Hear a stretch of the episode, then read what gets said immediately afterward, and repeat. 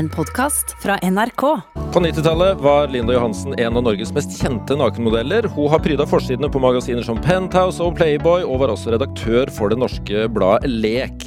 Nå er hun 53 år, og ser, livet ser ganske annerledes ut. Hun ble kosmetikkgründer, særlig kjent for nettbutikken Linda Johansen, som har fått flere bransjepriser og håver inn millioner.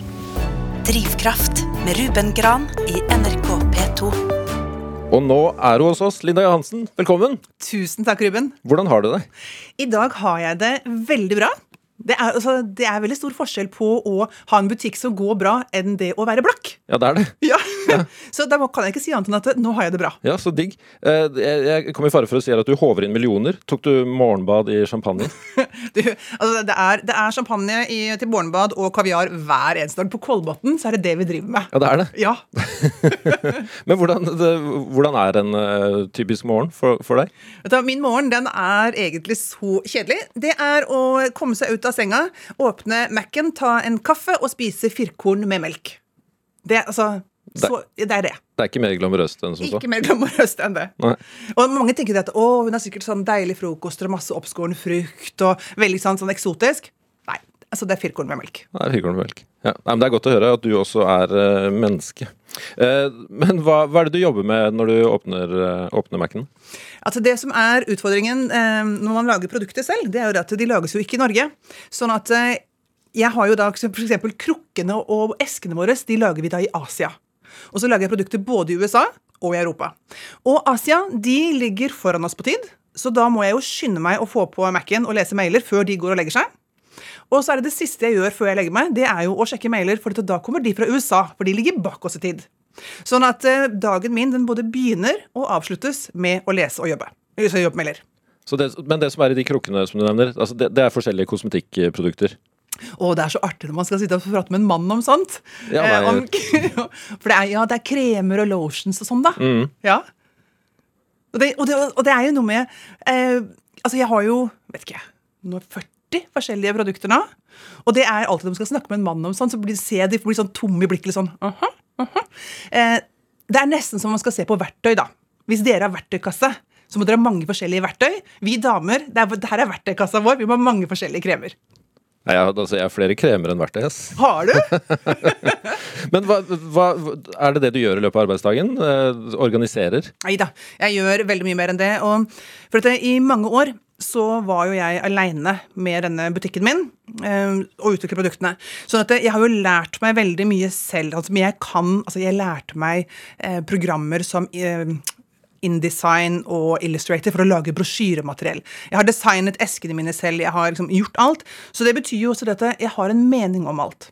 Så dagene mine, det går i å ent- Altså, jeg blir fotografert en del, men det går også i å jobbe sammen med marketingteamet i forhold til hvordan skal all annonsering se ut, hvordan skal bildene se ut, hvordan skal tekst se ut, hvordan skal nyhetsbrev se ut. Det mange ikke vet, er at jeg har egentlig bygget opp nettsiden mer eller mindre selv sammen med utvikleren. Jeg skriver bok akkurat nå. Eh, Om hudpleie og skjønnhet. Jeg jobber sammen med produktutviklere. Så jeg holder på med det. Vi lager nytt design på produktene våre fordi vi skal lanseres internasjonalt. Så jeg jobber da med designerne på det. Jeg jobber med PR-byrået i Stockholm som skal lansere oss. Jeg jobber med at vi skal lanseres på taxi. Altså det er sånn, Jeg er med på absolutt alt i denne bedriften eh, og mener noe om alt. Og derfor så blir dagene mine også veldig hektiske. Hvor mange timer sover du om natta?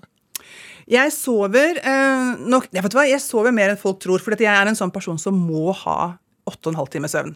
Så jeg prøver å sove mye, men jeg har kommet til overgangsalderen. Og da sover damer ganske lite, for vi driver veldig mye svetter. Så at, eh, nå sliter jeg litt med at jeg får for lite søvn i forhold til hva hjernen min trenger. For det høres ut som det er veldig mye jobb. Ja, det er veldig mye jobb. Når, når slapper du av og tar fri fra jobben? Um, det er faktisk sånn at um, jeg har ikke tid eller mental kapasitet til å gjøre så veldig mye annet enn å jobbe. Så det betyr det at eh, man må ofre noe, og sosiale ting og venner, det har blitt ofret i mange, mange år. Sånn at eh, for det som er, og det er litt sånn vanskelig for folk å forstå da når jeg sier at jeg jobber hele tiden, så tenker mange ja, ja, men hvem gjør vel ikke det? Men, men det er sånn, nei, jeg jobber faktisk hele tiden. Eh, Det, er, det er ikke noe forskjell om det er lørdag eller onsdag, liksom. Det er alltid like mye jobb, og det er fordi at eh, man har så mange tanker i hodet da, i forhold til ting man skal ta stilling til eller forholde seg til. eller som skal fikses eller løses. Det er på sånne detaljnivå. Sånn at det, for meg så blir timeout kanskje sånn 9-10-10 på kvelden, hvorav jeg ser en episode av et eller annet på Netflix. Eh, men så holder jeg på til det til jeg stuper, da. Og når jeg kommer dit, så er det sånn at eh, da kan jeg bruke kanskje to dager hvor jeg bare ligger på et mørkt rom og har øynene igjen og ikke gjør noen ting. Og det er sånn, da, da sier kroppen nå må du lade. Nå må det lades. Du kommer jo fra en litt annen bakgrunn enn den typiske for gründere. Du har ikke noe relevant eh, utdanning og sånn? Nei, det har jeg ikke. Det eneste jeg har, er at eh, jeg Altså, jeg hadde Begge foreldrene mine hadde dårlig hud. Og jeg fikk også dårlig hud.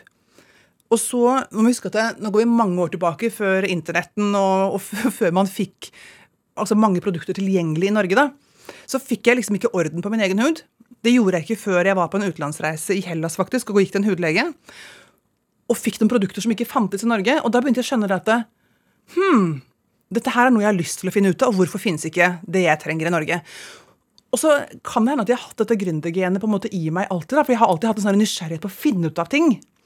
Eh, og sånn startet egentlig den reisen, at jeg skulle finne ut av min egen hud. Og så begynte jeg å finne ut av hva det som funker. Og så begynte jeg å bli interessert i kosthold og trening, og begynte å lese og lese og teste og teste.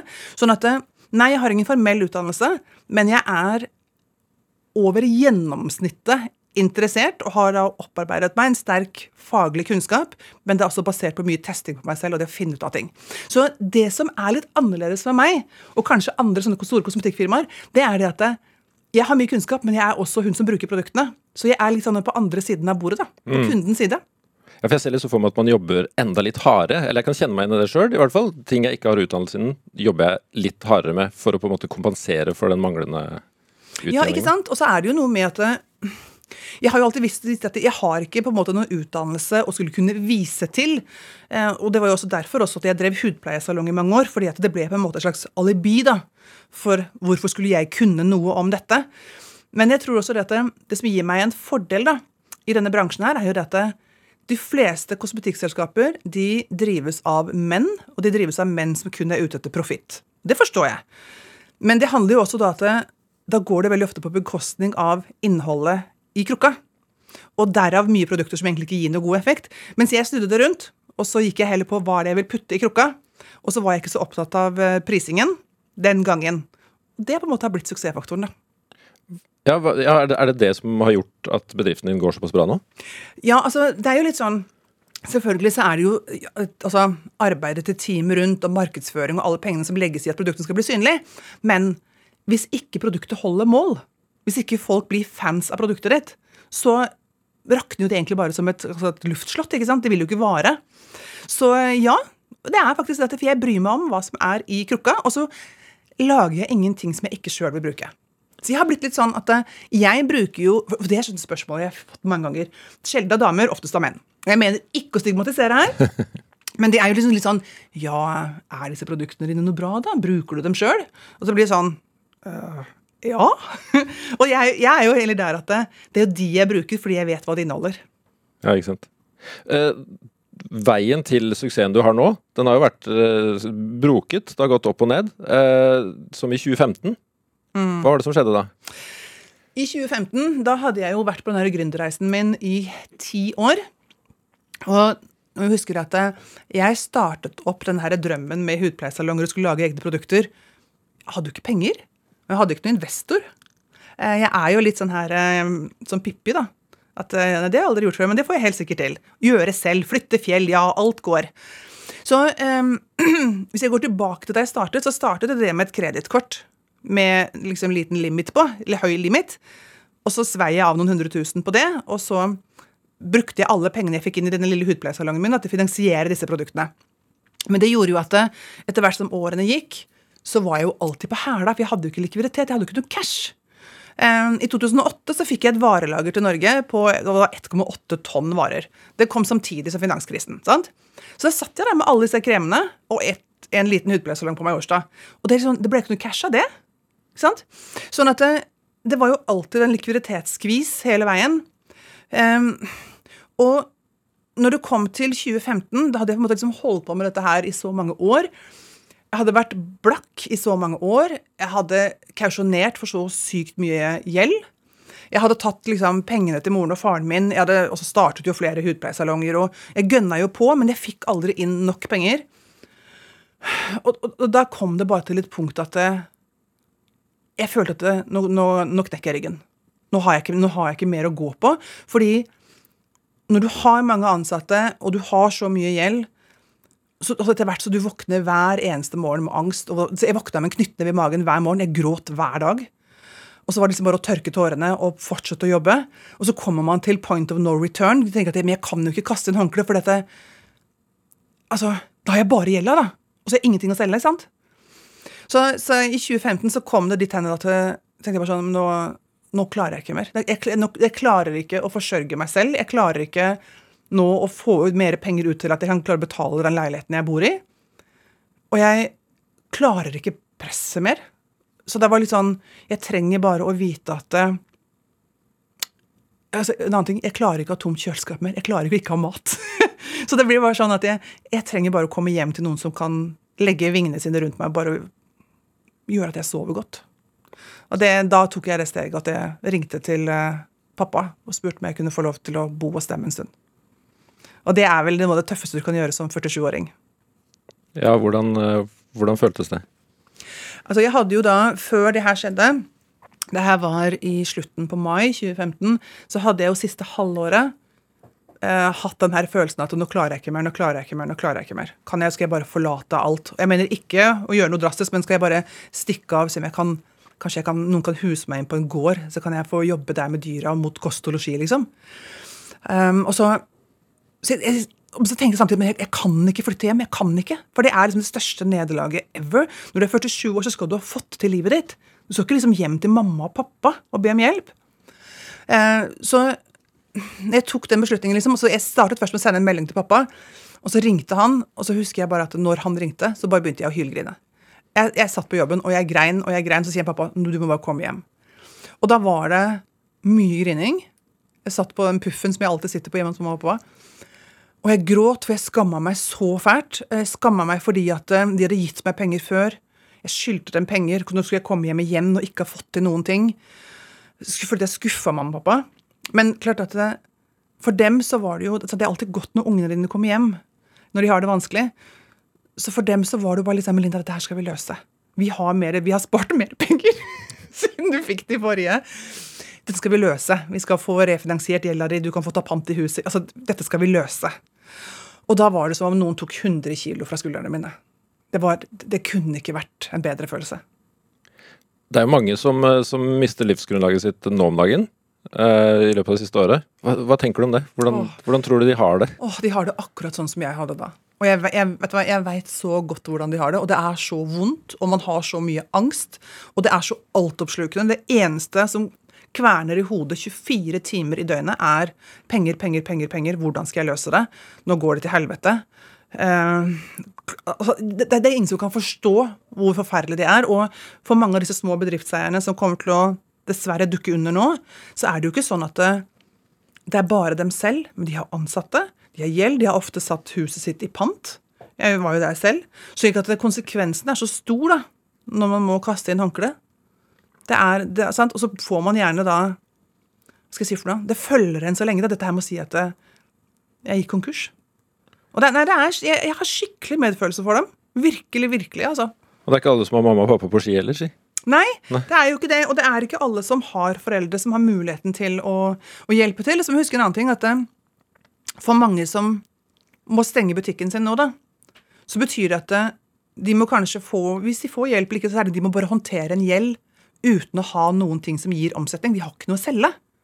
Sånn, når jeg, eh, jeg gikk konkurs i 2011, da klarte jeg å kjøpe tilbake varelageret mitt, og bobestyret var veldig på at du må ikke gi deg, Linda. Dette er sånt som skjer. Eh, og jeg hadde fortsatt noe å selge. Og når jeg flytta hjem til mamma og pappa, så hadde jeg fortsatt varer å selge. Eh, og jeg hadde, kunne fortsette å gjøre en business. Jeg bare trengte liksom å få den pustepausen, da. Men tenk deg når du står der og på en måte det er som de sparker beina under deg, og så sitter du bare igjen med regninga.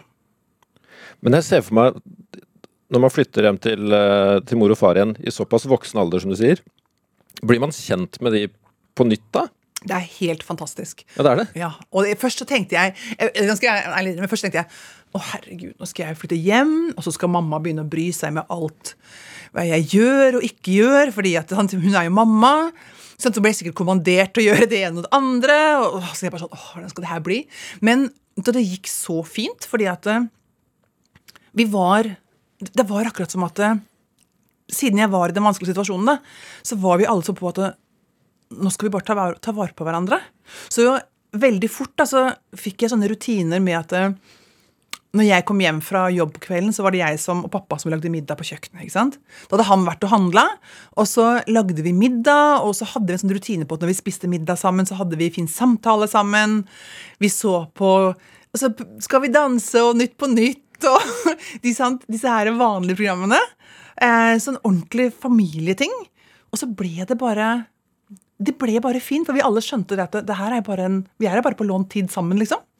Så det var åtte måneder som ble det var, det, var, det var, veldig godt å få lov å få den tiden sammen med dem. I løpet av den tida, hva var det som gjorde at du, du stabla deg på beina igjen og prøvde på nytt? Nei, det, det var jo litt til at vi fikk refinansiert uh, all denne gjelden som jeg hadde.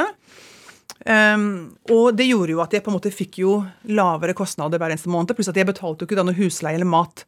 Og det gjorde at jeg fikk faktisk muligheten til å spare meg opp litt penger mens jeg bodde hjemme. Og så um, lanserte jeg Da hadde jeg nettbutikk, så lanserte jeg en sånn her øyensverte. Jeg må si øyensverte for maskara. Du vet sikkert ikke hva maskara er. Øyensverte. Med sånne, med sånne fibre i da, som kunne gi kjempelange øyenvipper. Som jeg altså, det, det, det, som skjedde, var at den tok av på Facebook. Så vi solgte tusenvis på tusenvis med den, så plutselig så begynte vi å tjene penger. Og det gjorde at jeg fikk lønn. Jeg hadde jo ikke hatt lønn på ti år. Jeg fikk lønn, og så sparte jeg den lønna.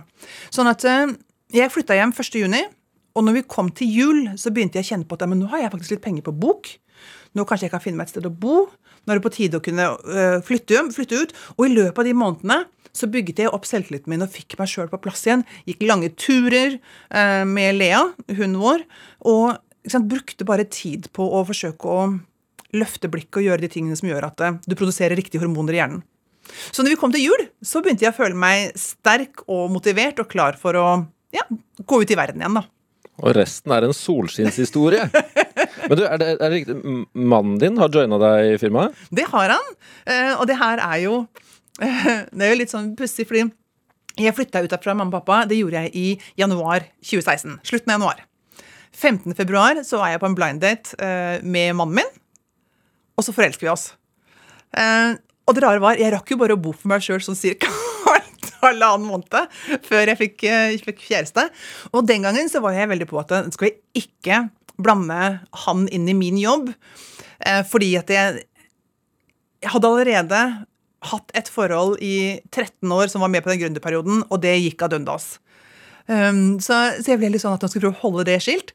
Men nå var jo han da superflink da, og superselger og ble jo veldig engasjert i det jeg holdt på med. Så det er jo egentlig mye hans fortjeneste at det, det har gått sånn som det har gått. At det har gått så bra. Fordi at han hadde den gutsen og sa nei, vi må gønne på. Vi må gønne på, Linda. Og jeg var jo da egentlig veldig redd for at å nei, nei, nei. nei. For han var, han var sånn Ja, men jeg kan, um, jeg kan låne deg penger, og så kan vi satse en gang til. Og tenkte jeg bare sånn Nei, skal jeg låne penger av han nå? Og jeg har tatt pengene til mor og faren min og sånn. nei, jeg kan, jeg kan ikke det. Hvis ikke jeg får det, til, får det til nå, da ryker jo det forholdet. Men så overtalte han meg til at vi skulle ta imot litt penger fra han. Og så satsa vi en gang til, og satsa med TV-reklame. Og det var da det tok av. Da var det som om alle damer i Norge sa Men der er du jo, Linda! Der er du! Han høres ut som en keeper. Han er en keeper, så jeg sørget for å få gifta meg med han etter to år. Hvordan er det å være sjefen til eh, ektemannen sin?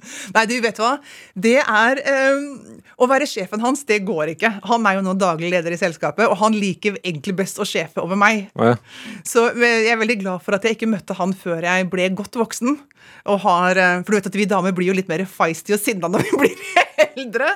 Sånn at jeg får parkert han litt når han ligger litt for, for langt fremme i skoa.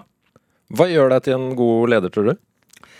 Jeg tror at um, på grunn av den vanskelige tiden som jeg har hatt, og de årene, så, så, så Man blir jo veldig i kontakt med Og nå høres det her veldig sånn psykolog-dameprat ut, men, men, man blir i veldig kontakt med sine egne følelser og hvordan det er å være menneske, da.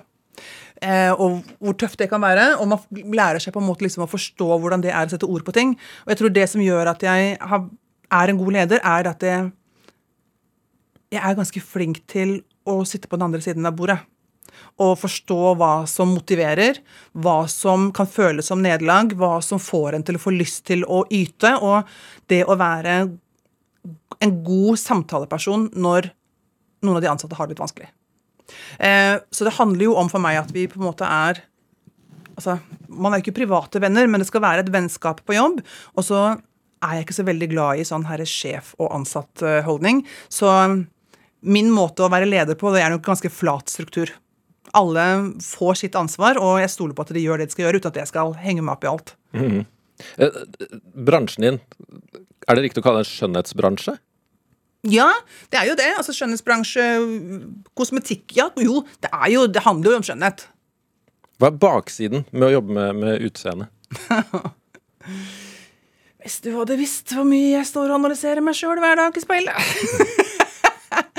Nei, men det, det, er klart at det, det som jo er litt vanskelig for min del, er jo at jeg er jo på en måte frontfiguren for alt også, da. Eh, og så eh, blir jeg jo ikke noe yngre, sant? som du påpekte, 53 år. Um, og det er klart det at uh, damene som kjøper produktene mine, de ser på meg, og så blir jeg et slags sannhetsvitne om dette her er bra eller ikke. Uh, så jeg, jeg, føler jo at uh, Altså, jeg, jeg, er litt der nå at det, det, passer veldig dårlig å bli eldre. Akkurat nå.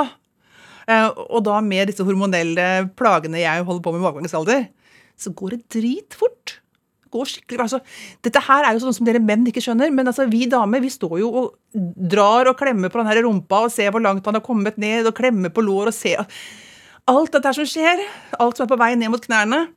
Eh, og da, da, kjenner jeg på det at jeg syns at det er vanskelig, og jeg blir nok litt utseendefiksert på meg sjøl, som jeg burde prøve å slippe litt tak i. Ja, for Skjønnhetsidealene er jo fortsatt liksom at ungt utseende, det er, det, det er på, på pidestall? Det er det. Og det er jo en av En annen grunn jeg tror nok til at eh, produktene mine, eller konseptet, da, har fått en så suksess hos damer i Norge. Jeg har en slogan som er 'It's your time to shine'. Og det som ligger bak den, og den her faktisk, den, det var litt sånn Den kom til meg når vi satt i et eh, møte på jobben og skulle snakke om en makeup-serie jeg skulle lansere. Fordi damer i min alder, eller damer som er 40 pluss, vi er på en måte glemt av samfunnet. Glemt og ignorert. Vi er ikke så interessante. Fordi alle vil jo satse på de unge hele tiden, og kosmetikkbransjen spesielt. Fordi vi jo har med seg en kunde fra en kunde er 17-18 år, og gjerne ha den kunden lojal til de er 70. ikke sant? Så alle slåss om de unge. Og så sitter jeg sjøl som denne dama som ingen ser, som ingen er interessert i. Ingen annonserer noe til meg, og når jeg ser reklame på TV, så er det liksom ungjenter som altså De driver liksom og bader i fontena i parken i undertøyer, eller løper rundt og mister buksa på gata fordi de bruker Pierre og Bær-undertøy. liksom, så får jeg sånn, ja, men Slutt! Så dette her Jeg kjenner jo meg ikke igjen noe sted. Og så har jeg kommet til den, den gruppen hvorav var liksom, altså når jeg ble 50, så fikk jeg faktisk tilbudet Oppegård kommune om å kjøpe seniorbolig. Seniorbolig! Det er for gambliser! Så jeg ble satt inn i den båsen. Så, så Your time to shine handler jo om at Men faen! Vi er jo i beste alder. Vi er jo ressurssterke, fantastiske damer. Og det er virkelig vår tid til å skinne nå. Hvorfor skal ingen se oss? Og det er mitt fokus. Jeg ser dem, for jeg er den dama sjøl. Jeg ser dem, og jeg vil at de skal se fantastiske ut og ha fantastisk hud og tørre å sminke seg og føle seg flotte og bare strutte ned på gata med all sin stolthet. Og det er jo det disse damene sier, at Emelinta, du ser oss, du skjønner oss, du. Og jeg gjør det fordi jeg er der sjøl. Jeg står og snakker med styggen på ryggen hver eneste dag om at jeg blir eldre, og at kroppen min forfaller, og det er hetetokter, og jeg skal få nedfallen livmor, og det, jeg skal få skjegg på haka og, Altså, fader, det som skjer nå, er ikke stas. Så da må man liksom sette litt ord på det, da. Kjenner du, Nå blir jeg litt sånn engasjert. Det er bra, det. Ja, men jeg brenner så for voksne damer. Og vi trenger virkelig å vi må tørre å gå ut der sjøl, og så må vi tørre å være fine. Og så må En ting ja, som jeg også brenner veldig for Damer må slutte å være sånne nettroll og hakke ned på andre damer som har lyst til å fjønge seg litt. Det. Ja, for det slår meg jo, Du er jo en kjempeposisjon til å faktisk gjøre noe med skjønnhetsidealene. Med hva du fremstiller. Ja, og er, jeg er litt der at det, det handler jo ikke om for damer at de skal se yngst mulig ut. Men det som skjer med mange damer når vi blir litt eldre, det er man veit ikke lenger hvordan man skal sminke seg. fordi kanskje vår generasjon da, vi sminka oss ikke så mye når vi var yngre, og det var ikke så mye kremer og ting, og det var ikke noe YouTube å se på sånne eh, opplæringsvideoer, sminkevideoer. ikke sant? Så er det mange damer som de vet ikke hvordan de skal gjøre det, de får det ikke helt til lenger, og så lar de bare være. Og så er de jo egentlig ikke fornøyd. Og så har du alltid de damene da, som snakker ned om hun ene i gata. ikke sant? Hun ene i gata som tar Botox og fjonger seg og er litt fin. Og det handler ofte om sin egen usikkerhet. Derfor så gjør man det. Så jeg er så opptatt av dette. Damer, det kommer til å være yngst mulig. Men det er å være den beste versjonen av seg sjøl, og tørre å være det. Og så blåse litt i hva andre syns. Og da, hvis ikke de veit hvordan de skal gjøre det, da får jeg lære dem det, da. Da får jeg lære dem hvordan de skal sminke seg, hvordan de skal ta vare på huden sin, og hva de kan gjøre for å se best mulig ut. Og det er litt sånn Jeg ser litt for meg, da så jeg tenker, Noen år fremover i tid, når jeg virkelig har fått dette konseptet ut, så, så har jeg lyst til å lage sånn reklame på TV eller et eller annet, hvorav jeg er liksom litt sånn i front, og så skal ha masse flotte voksne damer bak meg, og ingen av de skal være under 35 eller 40. Preach! Hva, hva, hva, er bra med å ha passert 50? uh, eh, vet du hva? Det er ingenting annet enn at jeg er tryggere på meg selv og eh, tør å si fra og ikke gidder å la en mann bestemme hvordan jeg skal leve livet mitt. Utover det Nei, så kan jeg ikke si at det er noen ting! Det, vet du hva, Da jeg ble 50, så var det her litt sånn Jeg, jeg syns det var så fælt, fordi at det, alt innenfor 40, da er du i 40-årene. Ja, det er fortsatt sånn ja, 40 er kult. Og så kommer du til 50 og sånn Å, vi er på vei mot 60. Nå blir jeg 54 i september. Altså, det er snart 55. Og da og, sant, Hvis du tenker tilbake når du var kanskje sånn 18-19-20 De på 55, de er gamle. De, de, altså, de er gamle, altså. Og jeg har ikke lyst til å være der. Og så en annen ting. Og det er jo det der å vite at du er godt over halvveis i livet. Jeg begynner å få dårlig tid. Du hører Drivkraft i NRK P2. Det gjør du, og her har jeg besøk av Linda Johansen, kosmetikk- og hudpleiegründer og tidligere lettkledd-legende i norsk sammenheng, tør jeg påstå. Eh, når og hvordan starta modelldrømmen din? Du vet hva, Modelldrømmen min den startet sommeren jeg fylte 15, tror jeg var tror det var sommeren jeg fylte 14-15, hvor jeg fikk eh, muligheten til å gå et sånt her eh, mannekengkurs sånn som et elite modellbyrå. Gjennom Se og Hør, var det det? Ja, ja. fordi jeg sendte, da hadde Se og Hør sånn sommerkonkurranse om å bli, å bli modell, så jeg sendte inn bilder av meg selv. Og så kom det plutselig da muligheten til å være med på et modellkurset. Det synes jeg var kjempestas, for Alle voksne sa til meg å, du må bli modell, du, Linda. Du er så pen. Å, du er så pen. Å, du er høy og fin. Du må, bli modell. Så inni mitt hode tenkte jeg ja, jeg burde bli modell. Og så eh, gikk jeg da på det kurset, da. Mannekengkurs, og lærte å gå på høla sko og ble tatt bilder av alt sånne ting. Så var det en liten sånn, liten sånn finale um, foran en jury. Og så fikk jeg da liksom brev etterpå. Nei, dessverre, men uh, du passer ikke som modell. Du har for store lår, for tjukk rumpe, og du har for stort hode. For det her var sånn klassisk for å bli sånn klassisk modellkurs? Uh, ja, og da uh, sant, skulle man være androgyn, ekstremt tynn, ikke ha kvinnefasong, og tydeligvis et lite hode, da. Hvordan var de andre på det kurset? En av de var Dorte Skappel. Hey. og jeg husker at jeg så, så opp til Dorte Skappel. Fordi at hun hadde jeg husker at hun hadde kort, krøllete hår. Og hun var jo sånn veldig høy og veldig, jeg syns hun var noe av det vakreste som fantes på den jord. Jeg syns hun var så pen. Så jeg, jeg, husker jeg bare satt og beundret Dorte Skappel. Og så fikk jeg se henne plutselig i KK og andre magasiner som modell etterpå. Og det var litt sånn, ja, så hun ble sånn modell, ikke jeg. For jeg er for tjukk og har for stort hode. Men hva tror du det gjorde med deg, da, som, som det barnet nesten du strengt tatt fortsatt var, at voksne drev og fortalte deg at du var så pen og burde bli modell? Vet du hva, Det var en skikkelig nedtur. Fordi helt altså fra da så fikk jeg Så jeg så veldig på meg selv som absolutt ikke være bra nok. Jeg fikk det ikke til. Um, og så var jeg i tillegg Mamma, mamma var litt uh, direkte noen ganger. Fordi at uh, jeg var veldig gæren i beina. Jeg var veldig inntilknes. Uh, og kalvbeint. Sant? Så når både føttene går, går sammen foran, og du er inntilknes så, Og dette var jo mamma veldig flink til å fortelle meg hele tiden, og kanskje ikke alltid på den hyggeligste måten. Og så siden jeg ble høy, som ganske ja, altså Jeg var jo nesten 1,70 da jeg var 12 år, så ville jeg selvfølgelig også da lute ryggen, for jeg ville jo ikke at noen skulle se hvor høy jeg var. Så mamma var jo rent smilende, gikk og dykta meg i ryggen og fortalte meg at nå er det trang i skjæra, nå er det trang i knea, nå er det trang i knea. Så jeg ble veldig bevisst på disse tingene her, da. Så når jeg da fikk høre at jeg var liksom for, for store lår, for tjukk rumpe, for stort hode, og, jeg, og ikke kunne bli modell, og i tillegg så var jeg da kalvbeint, trang i knea, så ble liksom alt var gærent med meg. Um, så det har nok gjort Jeg tror nok det har vært med på å gjøre en sånn her greie med at min egne dårlige selvfølelse har på en måte blitt et slags drivkraft. da. Mm. Ditt modell-eventyr og karriere blir jo først og fremst et eventyr eh, uten klær. ja. Hvordan starta det? Nei, det som, det som er litt pussig, og det visste jo ikke jeg da, men eh, altså det starta jo med at jeg sendte noen bilder til et blad som het Alle menn, hvor man kunne være modell for en dag, og da var det en konkurranse hvorav av alle de damene i løpet av et år som fikk være det, så kunne en av dem vinne en tur til USA. Var det en serie som het Naboens datter? Ja! ja. Det var det! så, så, så, den meldte jo jeg meg på. Um, og det, mange tenker da liksom Å ja, tok du bilder hjemme i bikini eller undertøy? Sånn. Nei da, sendte bilder av meg sjøl i høyhalsa tjukkgenser og langbukser.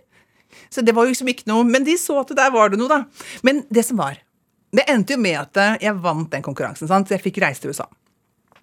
Og det som det viste seg når jeg begynte å bli fotografert, det var som alle sa du har jo den perfekte modellkropp for det man kaller for glamourmodell. For da skal man jo ha midje og rumpe og hofter og alle disse tingene her sånn. Og de bryr seg ikke om om du har stort hode heller. Men du hadde kjæreste på det tidspunktet? Ja, det hadde jeg. Hva backa han? Uh... Ja, altså Jeg var jo ganske ung på den tiden, og uh, han syntes jo at det her var veldig spennende. Så når jeg dro til USA, så jeg skulle egentlig bare være i USA kanskje tre måneder maks, og så ble det jo seks måneder. Uh, og det gikk jo litt på bekostning av det, det, forholdet, så det ble litt sånn on and off uh, etter det, fordi jeg forelsket meg helt i USA og Los Angeles, slik at jeg dro jo tilbake og ville være der mye. Og da ble kjæreste litt mindre viktig. Fordi det er alle hjemme i Ski alle venninnene mine så de var sånn Nei, men nå må du komme hjem, og så må du komme hjem og være sammen med kjæresten din og få familie og Men for meg så var det sånn uh, Nei. Jeg, har, alltid vært litt sånn kjerringe strøm, mot strømmen. Og venninnene mine Eller jeg hadde ei venninne fra Oslo, hun sa jo det. Men Norge er for lite for deg, Linda. Det er for lite. Du er bare type. Du, du må reise ut. Så når jeg først kom til USA og trivdes der, så var jeg sånn Hva skal jeg reise tilbake til Ski etter? Men Var det allerede så tidlig at du fotograferte for, for Playboy ja. og den slags? Det gikk ganske fort. Uh, fordi da jeg kom over til USA, så fikk jeg jo møte store fotografer, og det ble jo linet opp masse, masse jobber til meg. Og så begynte jeg å gikk etter et modellbyrå, og så begynte jeg å gå på castings. Eh, og så kom jeg da i, i møte med en uh, kjent Penthouse-fotograf som da tok prøveshoot på meg. Og prøveshooten den ble gjort ganske tidlig. Da hadde jeg vel bare vært i USA i fire måneder, tror jeg. Så gjorde vi en testshoot, og så ble den sendt inn til Penthouse. Eh, og vanligvis så tar det kanskje ett til to år før man kommer på trykk, hvis de aksepterer deg. Men så viste det seg at de manglet en covermodell til deres eh, jubileumsnummer i september 1990. De hadde et jubileumsnummer. Og så når de så meg, så var det sånn Det er henne. Det er akkurat hun vi skal ha. Så da var det rett, i, rett på fotografering. Og rett på forsida? Ja, rett på forsida. Wow. Hvordan, jeg vet ikke om, hvordan, hvordan var den bransjen på den tida? Vet du, Den er faktisk veldig annerledes Eller den var, for nå er det jo, dette er jo 30 år siden, om vi husker det. Men den var veldig annerledes enn hva man tror eh, her hjemme. Fordi altså, bransjen, dette med på en måte, kall det avkledd fotografering eller glamour Den hadde jo veldig mange forskjellige nivåer. Sant? Du hadde jo det som var toppløs og hva skal jeg si for noe, naken kropp. Og så hadde du jo over til de mye sterkere. Og, sant? og jeg var jo i den første kategorien. Og Altså, Alle jeg møtte, var superprofesjonelle. Når vi gikk inn på et fotoshoot, så var det jo svære sett med liksom 10-15 på jobb. Eh, og med makeupartister. Og, og vi startet når klokka var syv om morgenen. Det var kjempetidlig. Lange arbeidsdager. Og det var aldri noe press av noen som helst slag. Alltid sånn, store kontrakter og alt i orden. Og, så jeg opplevde den. Og så ble jeg kjent med mange modeller. Og også faktisk de som gjorde litt hardere ting. Eh, som vi ble kjent på som privat og de var jo helt vanlige folk. Så um, for meg så var da var det utelukkende en sånn bra opplevelse. Men det skal også sies, da, at uh, jeg er jo en sånn typisk norsk jente som møter opp på jobb når man skal, legger seg tidlig om kvelden, driver ikke med narkotika, drikker ikke masse alkohol. sant? Og det er klart at da var jo ikke jeg heller interessert i å oppsøke de miljøene. Så Ja, for Man ser jo brått for seg at eh, hele tilværelsen, hvis man er i den uh, bransjen her, det er som en uh, konstant fest hos Hugh Hefner. ja. Nei da, det, det var ikke det. Men nå skal det også sies da, at jeg var heller ikke interessert i det. Så det er klart at hvis jeg hadde vært litt mer utagerende eller sett satt på dette her som en, sånn, som en stor fest, så hadde jeg oppsøkt de miljøene. Men jeg var hardtarbeidende, og, og det var også en av de tingene som gjorde at jeg fikk så suksess. fordi det begynte å gå, det gikk liksom rykter om meg blant fotografene om at det, hun Linda fra Norge hun er fantastisk å jobbe med. Sant? For det er mange av disse jentene det var sånn, De møtte opp når det passet dem, og så hadde de ikke stelt håret sitt før de kom. og så, ikke sant? Mens jeg var, tok det dødsseriøst. Og da fikk jeg også bra jobber. Hvordan var det å se deg sjøl på trykk uten klær for første gang? det var veldig eh, Det var veldig rart, men jeg syns Jeg var egentlig litt stolt òg, altså. Fordi at og, det, og det er jo noe med at For det, det, er, det er veldig mange damer og jenter som har en sånn liten drøm om å få ta bild, fine bilder av seg selv, sexy bilder. Uh, og det ble egentlig litt sånn for meg også. Det ble sånn Wow, se på meg, ja. Og litt sånn Hm, jeg kan vel være modell.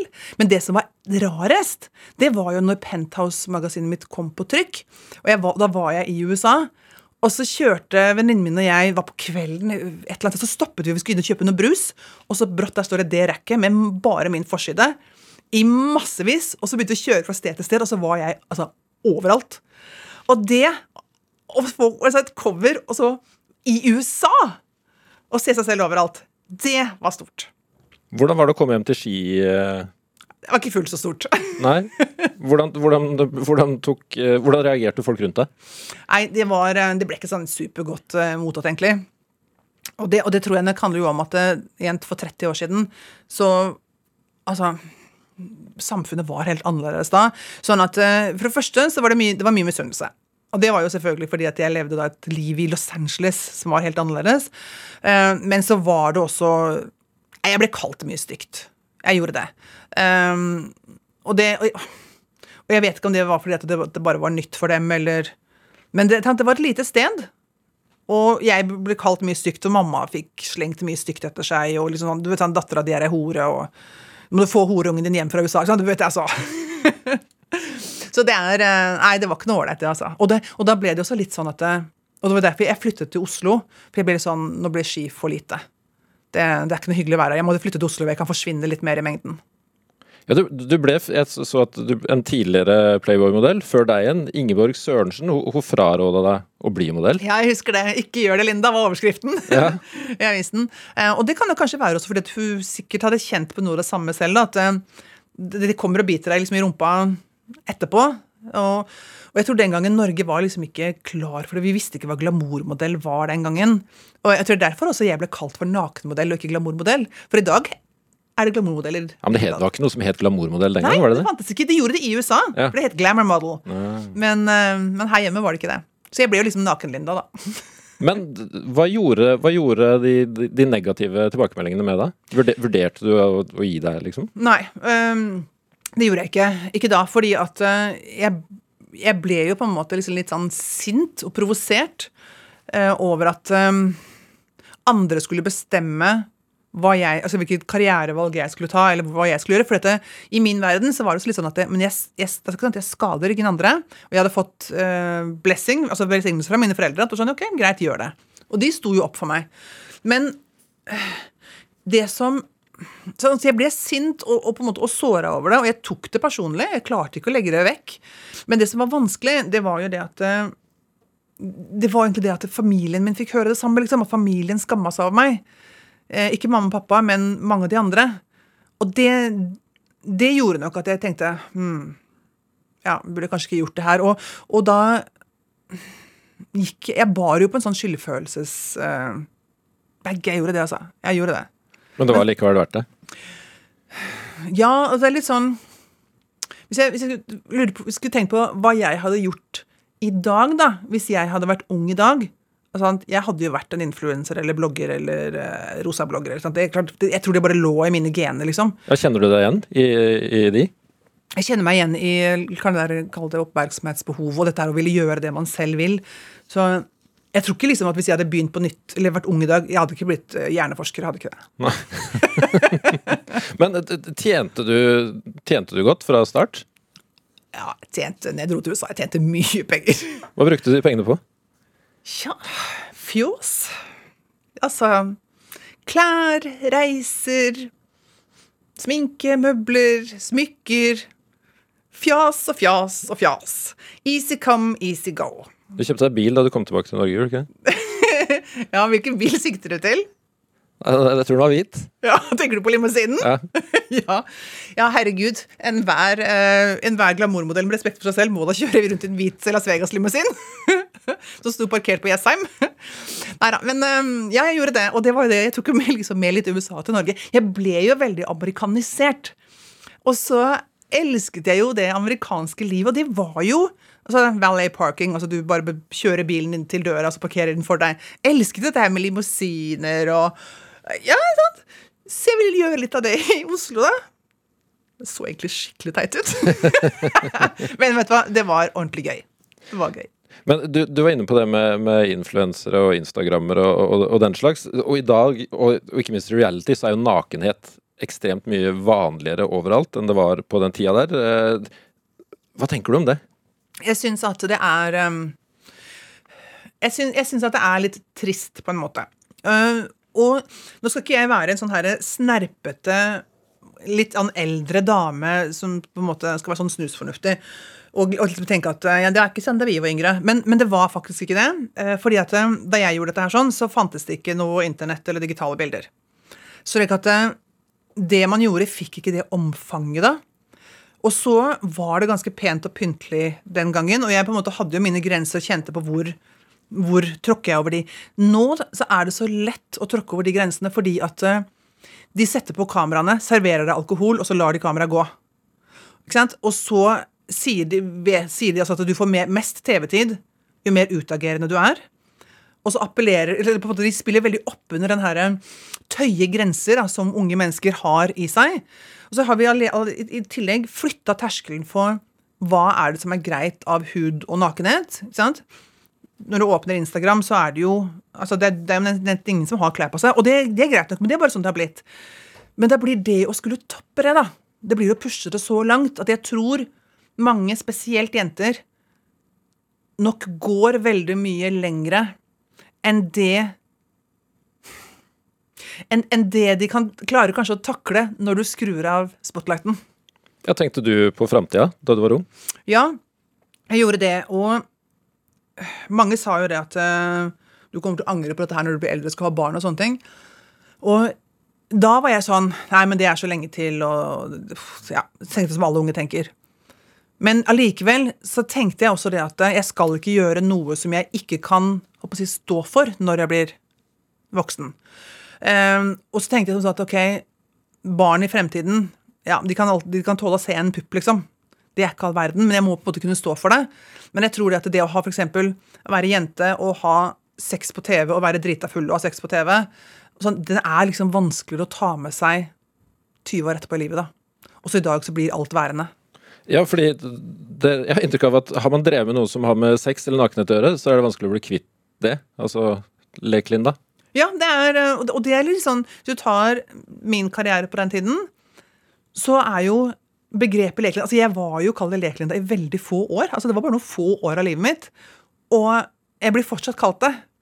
Um, så og det er klart, nå, nå satte kanskje jeg et sterkere inntrykk den gangen, fordi at det, det, var, jo, det var jo ingen andre.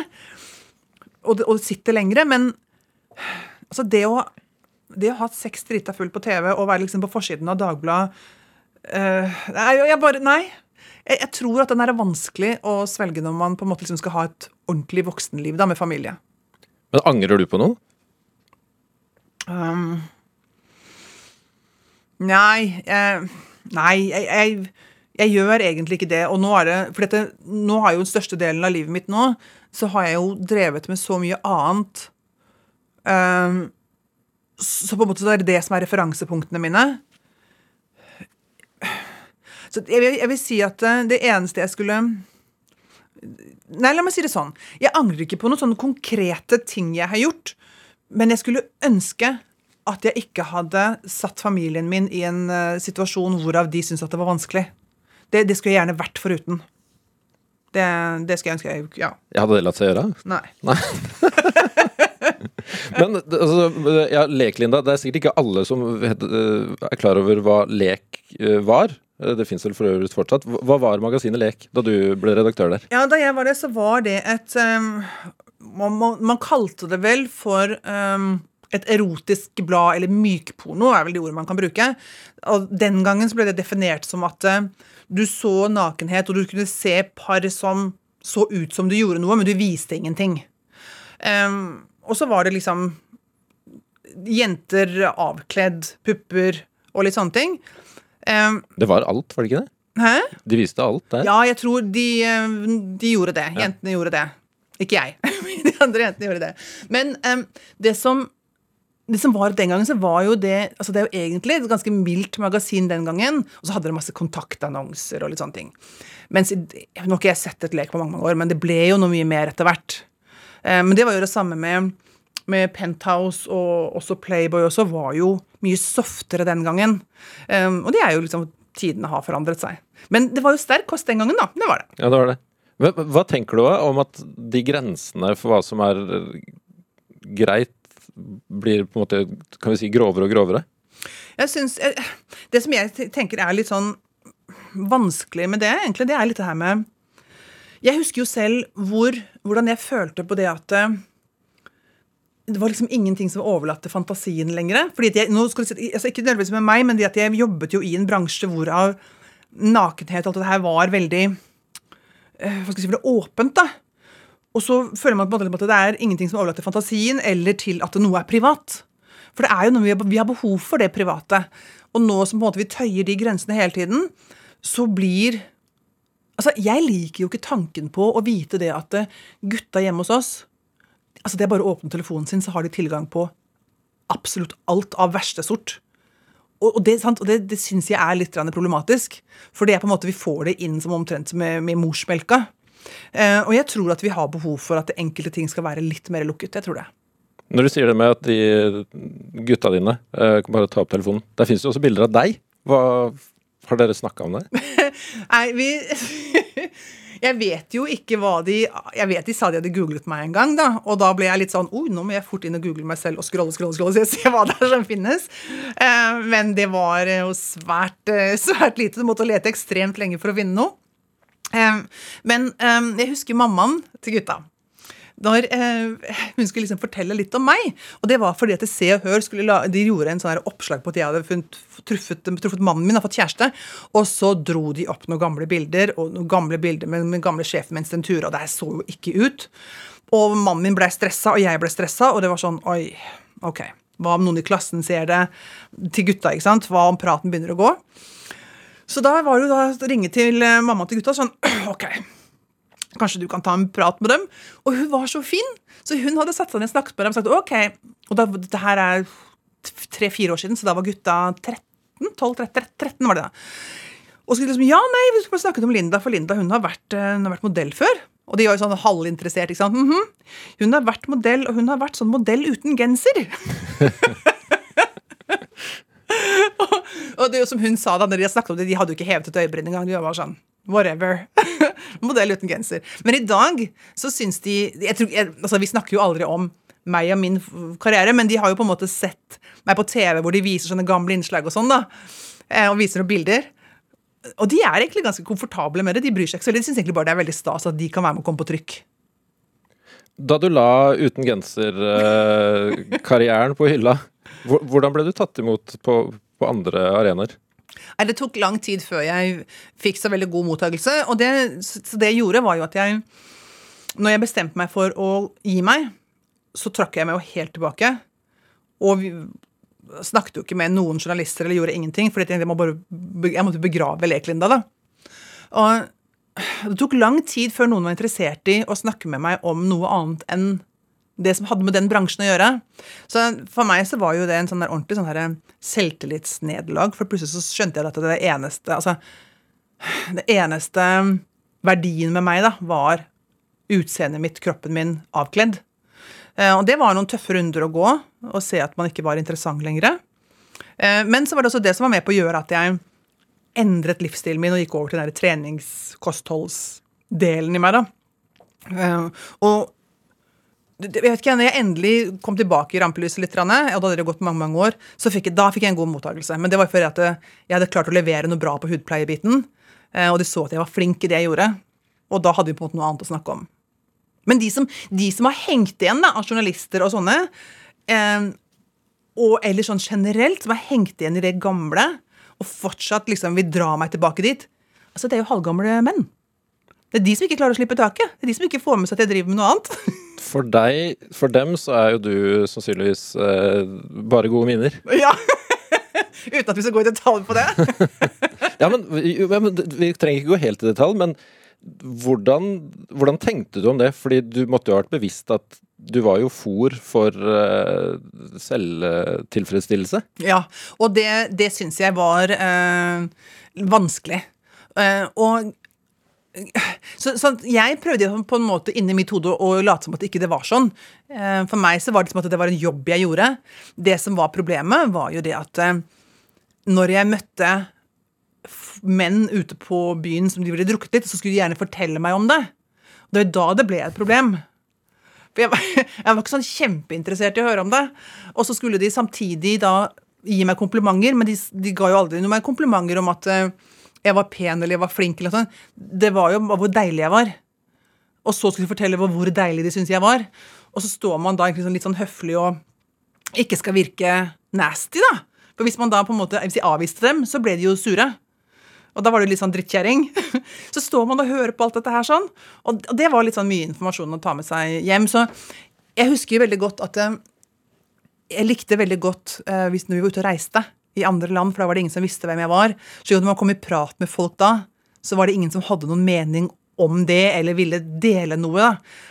Uh, og det Ja, jeg vet ikke ja. Man kan tenke sånn at det er et kompliment at menn syns du er flott, men det var bare sånn, det ble litt mye. Drivkraft i NRK P2. Og det er eh, Linda Johansen som eh, er her i dag. Eh, hudpleiegründer og forretningsdrivende nå om dagen. Du var jo veldig synlig som, som ung kvinne, og fortsatt, si. Hvordan var du som barn? Barn, barnet i meg, altså barnet med Linda, det, hun var ganske um, introvert. Og likte veldig godt å være aleine. Jeg er jo enebarn. Og uh, var egentlig alltid den som øh, likte å ja, pusle med egne ting. Og, men samtidig så var jeg sånn Ned på skolen, da, så var jeg jo hun som øh, var liksom en av klassens ledere. Det var jeg. Så det er litt sånn rar, det er akkurat som at det, selv den gangen dette, var faktisk, det, dette, det, dette tenkte jeg på nå. Fordi Jeg har alltid sagt at jeg er liksom Linda Johansen, og så er Linda. Linda Johansen hun kan svinge seg på parketten på livesending og elsker å sitte her og snakke med deg, Ruben. ikke sant? Og synes at det er kjempegøy. Men Linda helt privat, når jeg er hjemme altså hun, Jeg ikke, har ikke masse venner og aldri hatt det. Jeg liker meg godt aleine. Og syns det er litt sånn vanskelig å snakke med folk jeg ikke kjenner. Og, og når jeg tenker tilbake, så var jeg egentlig litt sånn som barn også. Fordi at eh, når det var Linda og meg hjemme i gata, liksom, så var jeg mye aleine og likte å være aleine og syntes det ble slitsomt hvis jeg ble, måtte være sammen med mange barn veldig mye. Men på skolen så var jeg hun som satt liksom på uh, første eller andre rad og alltid var på og var morsom og en i gjengen. Så jeg tror alltid jeg egentlig har hatt jeg sier, jeg har alltid hatt som hun private Linda, så har hun den popartisten ved siden av. Ja, ja popartist var du en periode for øvrig? Ja, det var jeg også. Jeg um, fikk det Jeg har jo alltid hatt lyst til å synge og være popartist, eller jeg hadde. Så det eh, bestemte jeg meg for at det skulle jeg gjøre. Og da, der også kom den gründeren frem. vet du. Fordi jeg hadde jo ikke noe plateselskap, så jeg starta eget plateselskap. Så lånte jeg penger i banken. Husker jeg lånte 250 000 kroner i banken, og dette her var på midten av 90-tallet. mye penger. Og så ga vi ut plata sjøl. Det var en trio som het Hype? Ja. ja. Fins dessverre ikke Når får vi den på streaming? det tror jeg aldri kommer. Men altså, hvordan, hvordan, var hjemmet du vokste opp i? Hva har du tatt med deg derfra? Fra foreldrene dine? Eh, jeg tror det jeg har tatt med meg, er um, vi, altså, jeg, jeg, vokste opp i et veldig ryddig hjem. Mamma eh, er pedantisk på hvordan, skal, hvordan det skal se ut hjemme.